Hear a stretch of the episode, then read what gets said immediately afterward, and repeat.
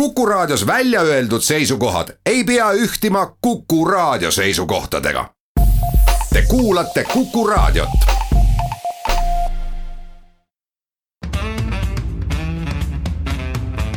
muuli ja Riikoja tere päevast, head kuulajad, kell on seitse ja pool minutit üksteist läbi, et on reedene päev, siis on loomulikult ka saate Muuli ja Riikoja aeg ehk Kalle Muuli ja Hindrek Riik on stuudios. tere päevast. kui me tavaliselt äh, välissündmustest väga ei räägi, siis tänast saadet alustame Iraani teemadega ja eelkõige selle tõttu, et Iraani ja Ameerika Ühendriikide vaheline vahel puhkenud konflikt puudutab Eestit otseselt selles mõttes, et me oleme värskelt saanud ÜRO Julgeolekunõukogu ajutiseks liikmeks. no see-eest on teine teema, nii siseteema kui vähegi annab. Äh, riigikogu esimees Henn Põlluaas suutis ühes intervjuus kergitada teema, mis on ka varem mitu korda päevakorras olnud, aga nüüd siis uuesti, et kas riigikogu liikmed vajavad endale ühte abi äh, palgalist, kes siis aitaks neil seda suurt tööd ära teha, mis nad tegema peavad riigi ja poliitika ja poliitikutega seonduvalt läheme ka edasi. Eksminister Janek Mägi, noh tegelikult siiski eelkõige tuntud kui suhtekorraldaja, on enda ettevõttesse Powerhouse tööle palganud mitu endist ministrit ja üles on kerkinud niinimetatud OÜ-tamise kahtlus või OÜ-tamise vari, kes kohe aru ei saa, kellel meelde ei tule OÜ-tamiseks nimetatakse siis seda, kus äh, sisulise palgatöö eest esitatakse arveid, et seeläbi makse optimeerida. neljandaks räägime Eesti ühest äh, ilmselt viimaste aegade pikemast vallandamissaagast. Äh, Monika Rand, Tartu abilinnapea, kord siis lahkub töölt ja kord ei lahku, nüüd hetkel vist jälle ei lahku räägime ka maaeluministeeriumi personalivalikutest. Andres Järvik, eelmine maaeluminister, tahtis teha ühte, teist ja kolmandat personali osas. siis sai tema ametist priiks ja uus minister on nüüd siis äh, tööle võtnud kaks kaks nõunikku ja eilsest ka on maaeluministeeriumil uus kantsler. ja viimasena siis ma mainiksin teemat, mille kohta Indrek arvas, et jõuame ka sellest rääkida, no elame-näeme selle tunni aja jooksul. nimelt äh, nimetamiskomitee, see on siis äh, organ või, või, või kogu, mis peab äh, panema paika riigiettevõtete nõukogu koosseisud, on siis nüüd äh, äh, uued liikmed saanud ja nendest uutest liikmetest kaks on erakondade liikmed ja tükk poleemikat on ajakirjanduses olnud selle üle, et kas erakonda kuuluvad inimesed võiksid seal nimetamiskomitees olema, mis peaks olema suhteliselt neutraalne või ei võiks Muuli ja Riikoja. aga alustame oma saadet siis nii kaugelt nagu Iraanist mis on peaaegu et seesama, mis Eesti, kuna Eesti sõdurid seal teenivad ja kuna Eesti on julgeolekunõukogu liige, siis läks pärast. Eesti sõdurid siiski teenivad Iraagis, mitte Iraanis. vabandust, jah, Iraagis. ja, ja nüüd vist isegi enam mitte seal, on sealt vähemalt välja minemas aga äh, kuna Eesti on siis sellest aastast äh, uhkelt äh, ÜRO Julgeolekunõukogu liige, siis läks kohe seoses USA Iraani konfliktiga lahti meil suur nutulaul, et nüüd Eesti ei oska poolt valida või nüüd Eesti peab suures konfliktis mingisuguse poole valima ja mis nüüd kõik saab. kaasa arvatud see, et, et selliseid valikuid tuleb Eestil nüüd hakatagi tegema minu meelest äh, kogu see äh, halin selle ümber, et äh, mis siis saab, kui Euroopa Liit ja, ja USA on eri meelt või mõni Euroopa Liidu riik ja USA on eri meelt. ja kus siis Eesti peab seal ÜRO Julgeolekunõukogus olema. see on noh, selgelt üle pingutatud ja, ja selgelt selline väljamõeldud raskuste ja ohtudega tegelemine, et et tegelikult äh, Eesti valikud ju nendes küsimustes on juba selged vähemalt aastast kaks tuhat kolm. kui äh, toonane peaminister Siim Kallas kutsus kokku kuus erakonda ja küsis, et kas me toetame Ameerikat siis, kui nad Iraaki tungivad või ei toeta. ja see oli kuue erakonna, tolleaegsete riigikogu erakondade ühine otsus seda toetada ja, ja sellega mindi suurde konflikti Euroopa Liiduga, aga ei olnud sellest mingit probleemi, kui Jacques Chirac ütles oma kuulsad laused, et te jätsite kasutamata suurepärase võimaluse vait olla. No ma ei tea muidugi ühest küljest seda, et kus kohas see hirmus suur nutulaul on olnud, millest sa räägid, et mina seda mina seda nutulaulu kohanud ei, kohanud ei ole, aga ega Eesti on, on, on sama keerulise valiku ees või, või noh, ikka jah, sama keerulise valiku ees nagu tegelikult on, nagu on valdav osa Euroopa Liidu riikidest. kes, kes kõik on ju olnud seda Ameerika Ühendriikide, et mitte öelda president äh, Donald Trumpi soolot äh, kommenteerides selles mõttes olnud nii-öelda nagu ebamugavas positsioonis, et ühest küljest hukka mõista seda kuidagi ei saa aga heaks seda ka kuidagi kiita ei saa, sest et noh, mida siis Ameerika Ühendriikide president teadaolevalt ilma isegi kongressiga kooskõlastamata ja ilma osade ministritega kooskõlastamata. see samm, mis ta astus, et, et kas need asjad saavad päris niimoodi käia, et ühe riigi president otsustab ühel hetkel, et teise riigi kõrge riigiametnik äh, väidetavalt noh, mees number kaks või, või äärmisel juhul mees number kolm lihtsalt tappa. et, äh, et, et noh, millega me siis, et, et, et, et kui Ameerika Ühendriikide puhul on see fine, mida me siis heidame ette ma ei tea, mida me heidame neile samadele iraanlastele ette, mida me heidame ette Vladimir Putiniga, Putinile, kes teeb noh, võiks öelda, eks ole, et mida, mis nagu pähe tuleb samas noh, Ameerika Ühendriikide põhjustest muidugi on võimalik ka täiesti nagu aru saada. et ega see ongi, siin tulebki kuidagi vaikses vees nii-öelda välja ujuda, et jääda, et Eesti saaks jääda noh, mida eesotsas meie presidendiga, meie riigijuhid on kogu aeg rõhunud rõhutanud, et meie peame olema väärtustepõhised, me peame seisma väärtuste ees. ja, ja me ei tohi peljata seda, et kui me väärtustest tulenevalt otsustame kuidagi teistmoodi kui, kui mõned teised, sest et kõik saavad aru, kui me väärtustepõhiselt otsustame. et kas siin praegu, kas, kas see nende väärtustega kaasas käib, noh, ma ei ole nagu päris kindel noh, nii võib äh, ju lõputult jääda targutama, et kas äh, terroristi võib tappa või ei või ja kas see on äh, inimõiguste vastane või mis iganes.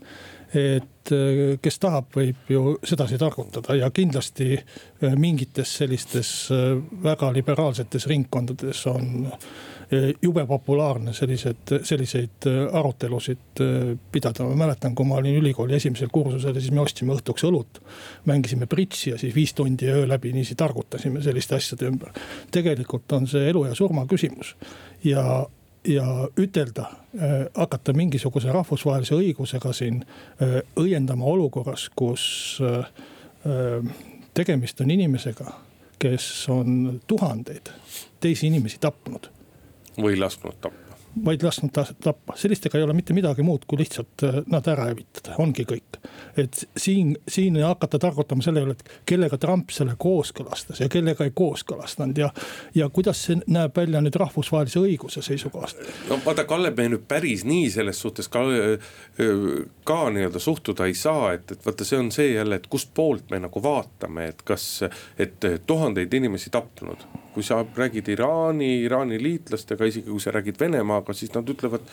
See on väljamõeldis, see on pahatahtlik laim ja nii edasi. ei no igast asju üteldakse ja Venemaa kogu aeg ütleb igasuguseid asju. no aga, aga vaata, siin ongi see küsimus, et noh, mis meil lubab arvata, et üks on parem kui teine ja ühe sõna tasub rohkem usku kui teise. mitte, et ma tahaks öelda, et Eesti peaks hukka mõistma, kaugel mitte seda, aga et noh, ma saan aru sellest, et Eesti nagu ka teised Euroopa Liidu riigid ja riigipead, et, et ollakse nii-öelda oma väljaütlemistes ettevaatlikud et ma saan sellest kõigest aru, ma lihtsalt seda suurt, kuidas sa ütlesid, hädaldamist ja, ja nutulaulu, et ma seda ei ole nagu kohanud, et minu arust ollakse nagu väga, väga tasakaalukalt käitutakse ja, ja ausalt öeldes, ega me peaksime mingisuguse seisukoha võtlema ja kujundama sõltumata sellest, et kas, kas me oleks äh, julgeolekunõukogu ajutised liikmed või ei oleks no seda muidugi ja, ja õnneks on ka Euroopa Liidu riigid seekord siiski Ameerika Ühendriike toetanud. Prantsuse president on päris selgelt oma toetust väljendanud, ehkki pärast äh, lühikest kõhklust minu meelest, aga, aga noh äh, paar päeva ju peale seda rünnakut käis ka äh, selline suur jutt, et oi, nüüd tuleb sõda. nüüd puhkeb seal kohutav konflikt ja mis iganes, et tegelikult Ameerika Ühendriigid minu meelest näitasid väga selgelt, e-, et Iraanist ei ole seda sõjalist jõudu, mida ta tegelikult nagu või mida ta püüab endast kujutada.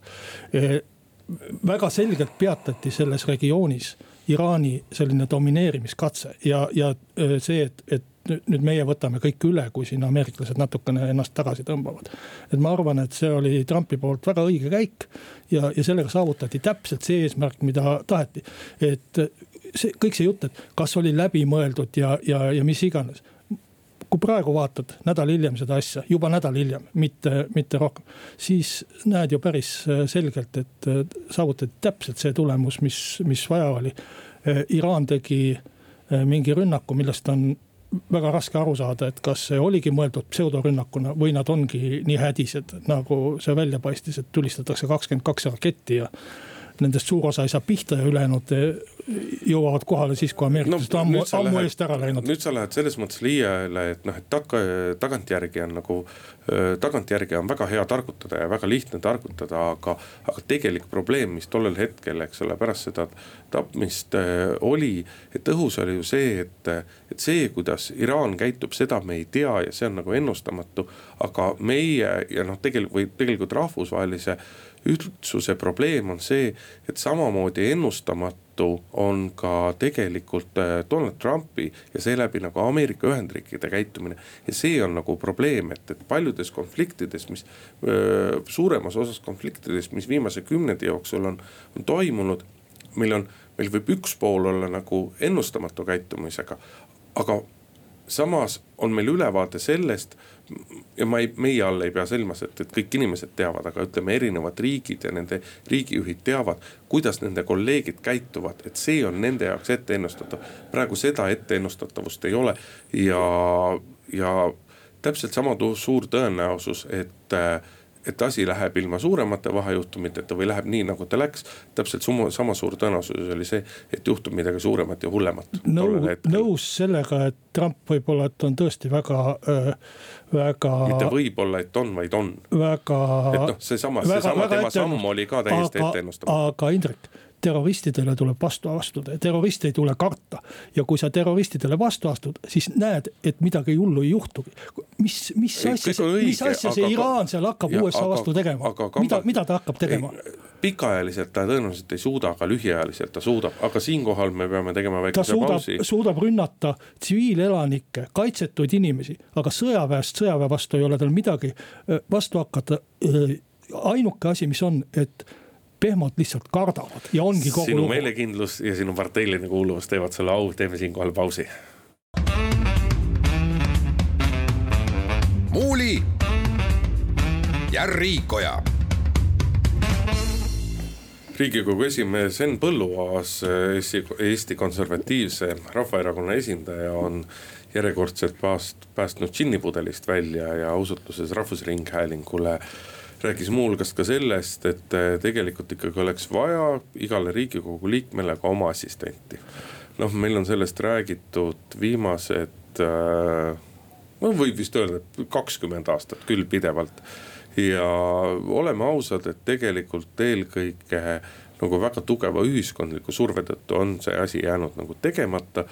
aga selle protsessi käigus nii-öelda nagu sisuliselt äh, sisuliselt ei ole seda, seda teemat kunagi arutletud ja kuigi, kuigi Monika Helme sellel nädalal ühes äh, intervjuus ütles, et ajakirjandus ei ütle mitte kunagi hästi EKRE kohta, kui EKRE midagi hästi teeb, midagi hästi mõtleb või mõne algatusega välja tuleb, siis siin võib küll öelda, et ega sisuliselt on Henn Põlluaasal tegelikult õigus. Äh, riigikogu liikmed, kes peavad vastutama kogu seadusloome eest on, on, on tegelikult üksinda äh, olukorras, kus äh, nad iga seaduseelnõu puhul nad seisavad vastastikku terve, terve majatäie ministeeriumi ametnikega, kes valdavad teemat nii sisuliselt kui juriidiliselt ja nii edasi.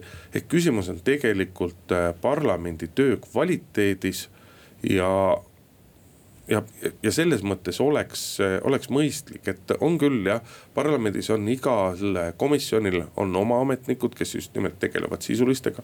aga on see siis õiguskomisjon, maaelukomisjon, riigikaitsekomisjon, seal on nii-öelda paar-kolm ametnikku on, on iga komisjoni juures. ja teoreetiliselt on ka fraktsioonidel oma nõunikud, nõunikke siis vastavalt sellele, kui palju fraktsioonis liikmeid on. aga ega mitte nemad... ainult teoreetiliselt, praktiliselt ka. noh, no praktiliselt on, teoreetiliselt ma ütlesin neist selle, sellepärast, et, et tihtipeale ikkagi neist nõunikest osa, kui mitte enamus, on tegelikult noh, mitte nagu õigusasjatundjad või õigusspetsialistid või nii-öelda sisuinimesed, vaid nad on nii-öelda mingisuguste pigem poliitiliste funktsioonide, parteiliste funktsioonidega ja parteid kasutavad neid, neid nõunike kohti nii-öelda oma teate bürootöötajatele palga maksmiseks tihtipeale.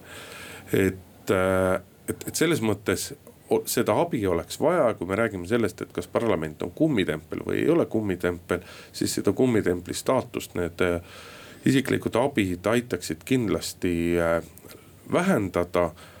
aga praktikas ei usu ma muidugi, et Henn Põlluaasal õnnestuks äh, seda plaani maha müüa ei Eesti üldsusele laiemalt ega tegelikult ka mitte oma erakonna valijatele. no ega seda ei teagi, kas see on plaan või oli see lihtsalt äh, üks äh, mõte, mis. okei okay,, seda mil, mõtet ei õnnestu maha müüa. mille ta välja ütles ja, ja selles kahekümnes aastas ma ka natuke kahtleks, aga, aga selles ma olen sinuga nõus, et see on väga ammu ja, ja kümme aastat kindlasti. no kümme aastat kindlasti jah. ja, ja kui ma nüüd liiga ei tee Reformierakonnale, siis ma arvan, et see oli esimest korda vist isegi Reformierakonna juhtide poolt välja öeldud mõte, nii et vaata, kuidas aeg läheb, EKRE jõuab samadele seisukohtadele, mis Reformierakond kümme aastat tagasi. noh, aga ega kaugel see EKRE ja Reformierakonna ühine valitsus ikka on. aga kui nüüd asja sisust rääkida, siis äh, sina, Kalle, oled ju ka parlamendi liige olnud, et selles mõttes sa isikliku kogemuse põhjal oskad. ja ei, seda, seda võib küll ütelda, et, et kui sa oled riigikogu liige ja pead äh, kõikide nende seadustega tegelema, siis sa sel-, ilmselgelt oled äh,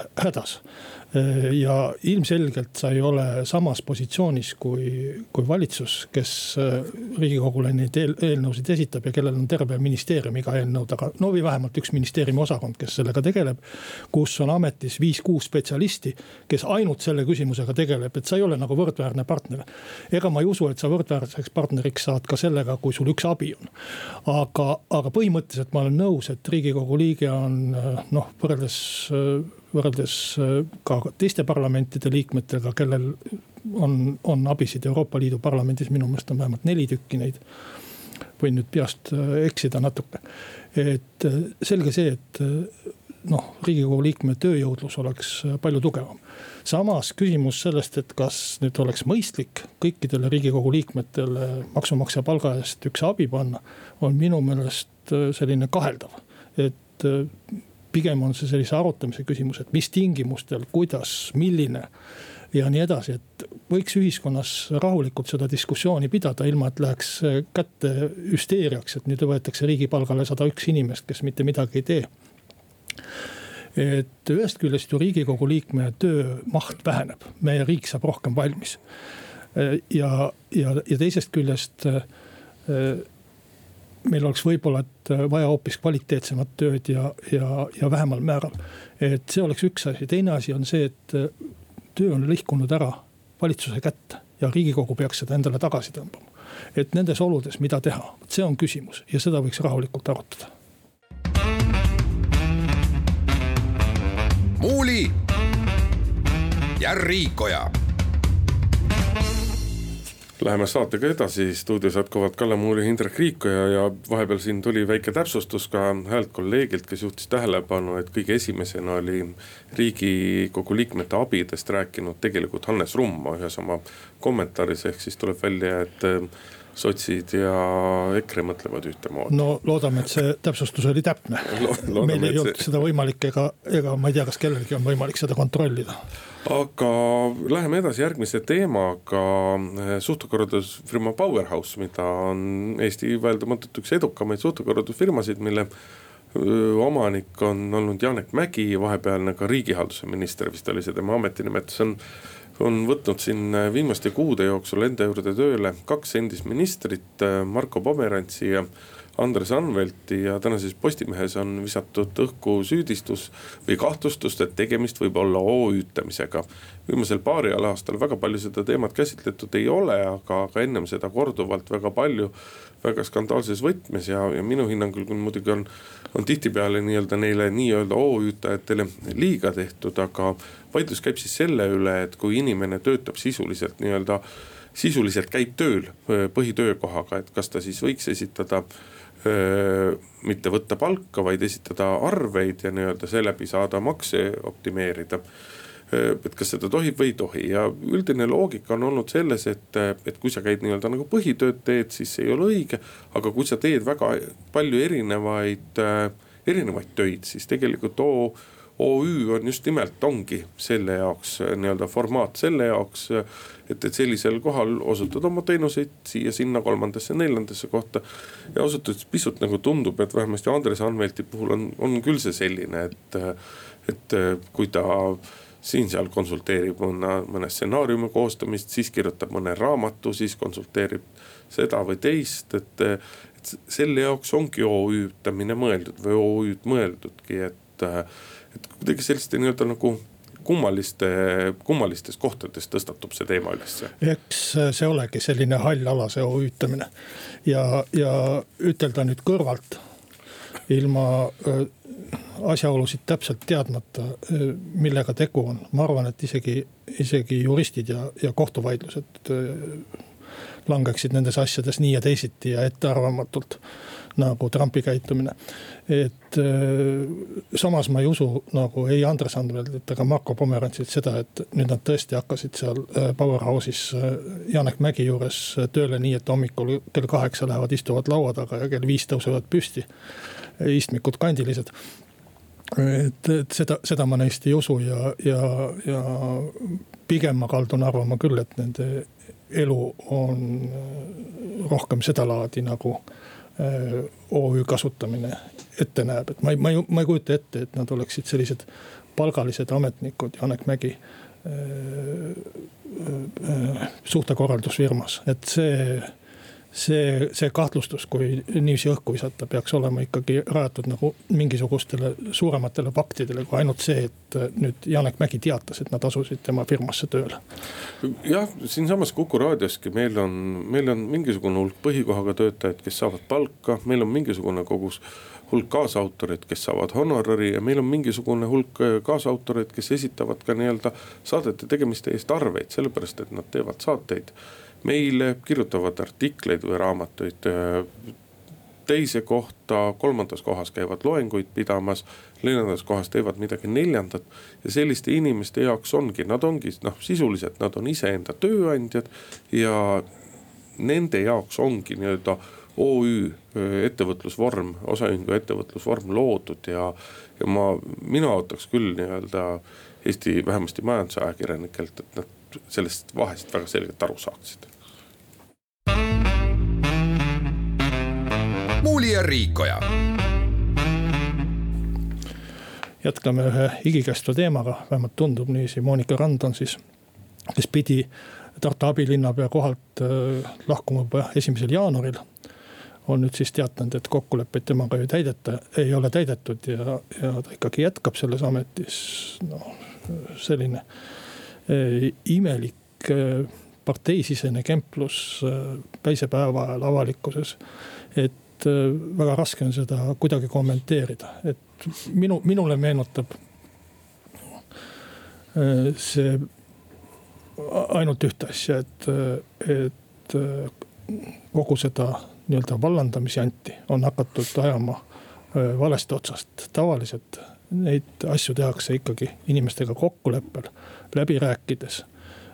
tõesti, kui erakond tahab vahetada mingit oma Äh, enda poolt ametisse pandud inimest, et siis räägitakse inimesega läbi, lepitakse temaga kokku. aga ei tehta sellist avalikku tsirkust noh, sellise töökoha ümber, nagu on ikkagi abilinnapea amet, mis on tähtis amet Eesti suurusest, suuruselt teises linnas.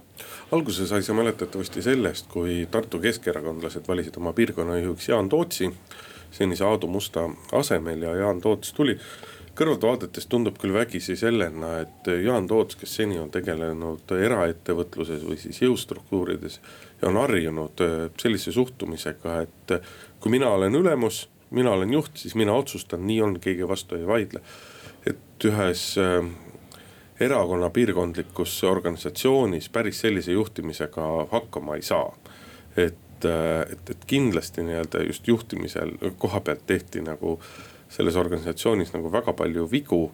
samas nagu Monika Randa on selles mõttes ka nagu, temast on nagu keeruline aru saada, et sa oled poliitilisel ametikohal ja kas õnneks või kahjuks äh, poliitilisel ametikohal on paratamatult tihtipeale nii et kõikide objektiivsete kriteeriumite järgi võid sa oma tööga väga hästi hakkama saada, aga mingil poliitilistel põhjustel sa ei saa sellel ametil jätkata.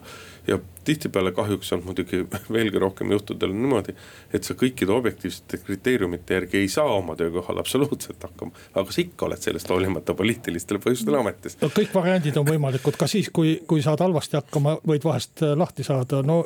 no kolm EKRE, kolm EKRE ministrit eelmisel aastal koos nõunikega, nii edasi, et aga noh, tõsi on see, et poliitiline ametikoht on äh, ikkagi. on poliitiline ametikoht. üldjuhul ikkagi väga lühiajaline ametikoht, sa ei saa seda ametikohta pidada mõttega, et nüüd ma lähen perele leiba teenima ja endale vanaduspensioni, pensioni seal kindlustama, et seal. eriti kui sa lähed poliitikuna nii-öelda omavalitsusse, millega sinu senised sidemed on olnud väga kasinad, kus sa ei ole pikalt elanud ja nii edasi.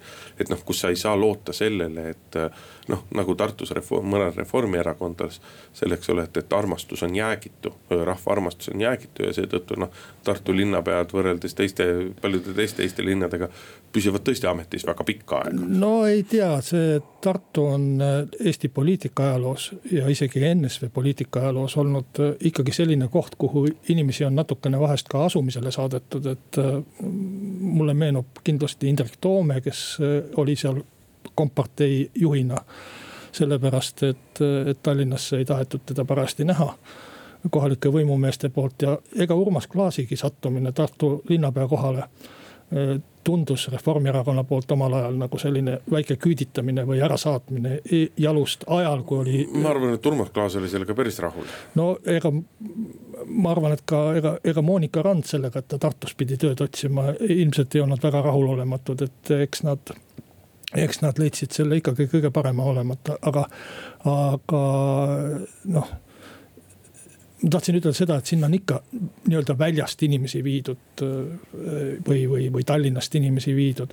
ja, ja siis jälle tagasi toodud neid, et kummaline, et Monika Rand nagu kujutas ette, et ta läheb sinna igaveseks ja, ja jääbki igaveseks, nii nagu mõni teine. kummaline, et ta niimoodi jonnib, sellepärast et kui ta samas vaimus veel pikalt jätkab, siis me ei räägi ju mitte sellest, et ta ei saa nii-öelda poliitilises poliitilise. tööd. just nimelt, poliitiliselt ta ei saa tõsiseltvõetavat töökohta. no nii, see ei peaks ta... nüüd ka inimest kiusama, et ta on ikkagi keskkonnaalal õppinud inimene ja, ja tal oli sellest... enne ka sellel alal täiesti normaalne töökoht. jah, ma saan sellest kõigest aru, aga, aga noh, iga tööandja vaatab sellist käitumist nagu väga pentsikult peale. ja suur osa tööandjaid igaks juhuks ei hakka riskima lihtsalt niimoodi noh. muuli ja Riikoja uus maaeluminister Arvo Aller, äh, kui ta detsembrikuus ametisse astus, siis äh, avalikkuse üks suuremaid küsimusi tema jaoks oli, et millise, et milliseid personaliotsuseid ta ministeeriumis teeb, kelle ta valib endale uueks kantsleriks ja kelle ta valib endale nõunikeks ja kas seal nii-öelda lähtutakse partei soovitustest ja, ja, ja partei liikmepiletist või ikkagi nii-öelda sisulistest kogemustest ja, ja, ja sellistest kaalutlustest ja sellel nädalal on siis nii-öelda need, kui nii võib öelda, võtmekohad paika saanud, et juba tegelikult pisut varem teatati, et oma eh, nõunikeks palkas ta pika ministeeriumi töö kogemusega just valdavalt nii-öelda rahvusvahelistes suhetes Ruve Shangi ja, ja pika omavalitsustegelase kogemusega Andrus Tossi ja eile nimetas äh, valitsusametisse ka maaeluministeeriumi uue kantsleri ja selleks sai siis Tiina Šaron. ja kui neid nimesid vaadata, nende taha vaadata, siis tegelikult äh, siin võib küll öelda, et Arvo Aller nagu inimesed on valinud eelkõige nii-öelda sisulistest kaalutlustest lähtuvalt ja, ja see lubaks äh, arvata ja oodata, et äh, et, et maaeluministeeriumis ei ole võib-olla nii-öelda oma edumeelsuse kõige sool selle poolest olnud nii-öelda riigiasutuste esirinnas, et ta võiks sinna küll kindlasti tõusta. jah, siin on väike selline kummaline vastuolu öö, retoorika ja sisu vahel. nii nagu EKRE puhul mõni teine kordki on olnud, et ühest küljest EKRE rõhutab, et poliitilist juhtimist peaks suurendama. ja, ja võimu peaks ametnike käest ära võtma noh, millega võib nõustuda või millele võib vastu vaielda. aga kui nüüd vaatad tegelikult ütleme selle maaeluministeeriumi komplekteerimist või ka äh, Aimar Karut, kes äh, IT-valdkonda läks äh, juhtima ministrina. et tegelikult noh, pigem valitakse nii-öelda ametniku tüüpi inimesi või, või, või mitte, mitte selliseid inimesi, kes seda ütleme no ärme ütle ametniku, ütleme siis pigem ikkagi nii-öelda valdkonna tundja või, või, või spetsialisti tüüpi inimesi. ma, kes... ma, ma, ma ei ole öelnud, et see on halb mõningatel juhtudel see on kindlasti, kindlasti hea. aga ma juhtisin tähelepanu lihtsalt sellele väiksele vastuolule, mis nagu selliste soovide ja, ja tegelikkuse vahel on. ma arvan, et tegelikkus on päris hea selles mõttes, et kui sul ei ole häid poliitilisi juhte, kui sul ei ole äh, selliseid poliitikuid, kes äh, saaksid selle nii-öelda võimu äravõtmisega ametnike käest hakkama. siis on mõistlikum panna sinna spetsialist, äh, mitte poliitiline tegelane, sest kui sa vaatad ka maaeluministri nõunikke. ega need ei ole ju, nad on küll nii-öelda nime poolest poliitilised nõunikud, tulevad koos ministriga ja lähevad koos ministriga. aga ega nad oma olemuselt ei ole äh, mingisugused poliitikud või mingi poliitika elluviijad, nad on ikkagi no, nad, nad on ikkagi, ikkagi selle valdkonna spetsialistid. no see sõltub ikkagi palju ka, ka ministrist ja ministeeriumist, et, et, et ka, ka nii-öelda tänases vali, valitsuskabinetis noh, me leiame ministreid, kes on kes on endale nõunikeks võtnud tõesti inimesed, kes suudaks neile selles valdkonnas nõu anda ja on ka ministreid, kes äh, kes on võtnud, kelle nõunikud on ikkagi valdavalt pigem nii-öelda nagu juhtmeks äh, ministri ja erakonna peakontori vahel ja kes tegelevad peamiselt selliste asjadega. ja kelle puhul nii-öelda nagu sisu tundmine vähemasti väga kaugele välja ei paista. ja kuna ühel ministril on mitu nõunikku, siis on nii ühte kui teist mõnel. jah, mõnel on nii ühte kui teist, aga kui me nüüd nagu kõige värskamalt vaatame, siis noh, kui me mõtleme Tiina Šaroni peale, sest et kantsler on ju ikkagi igas ministeeriumis on tegelikult inimene nagu number kaks, kelle haldusala on just nimelt see.